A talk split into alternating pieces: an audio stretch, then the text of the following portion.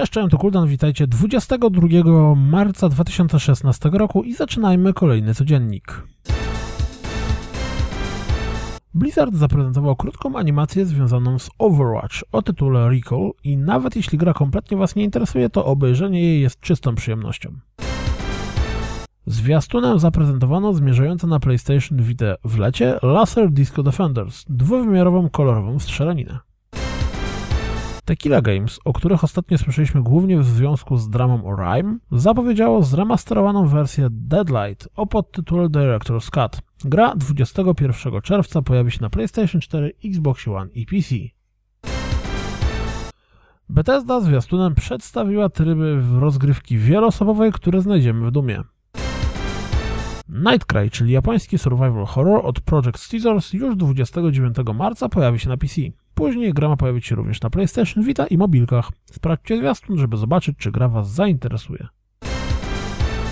Na rynku pojawił się nowy wydawca. Encore Publishing Group utworzyli Octopus Tree, które ma być nastawione na współpracę z mniejszymi studiami indie. Może szansa dla Indoor Studios. Na początek zaprezentowali trzy gry, którymi się zajmą. Alistair McNally, Creative Director BioWare, pochwaliła się na Twitterze, że w trakcie GDC chodziła w koszulce reklamującej ich nowe IP i nikt nie zwrócił na to uwagi. Magic Duels dostanie 6 kwietnia wielki update o podtytule Shadows over Innistrad. Wnioskuję, że pewnie w takim razie w tym roku nie będzie nowego magika. Sony przedstawiło krótki filmik o spotkaniu twórcy Journey z jedną z fanek gry. Jeśli zwiastun Sherlock Holmes The Devil's Daughter wzbudził Wasze zainteresowanie, to możecie chcieć sprawdzić wywiad z twórcą, żeby dowiedzieć się, czego spodziewać się po grze. Jeśli chcecie zrobić konkretne podsumowanie informacji o PlayStation VR, to Game Debate porozmawiał z Danem Paganem, ekspertem od VR, o tym sprzęcie i jego możliwościach. Trochę technikaliów dla chętnych.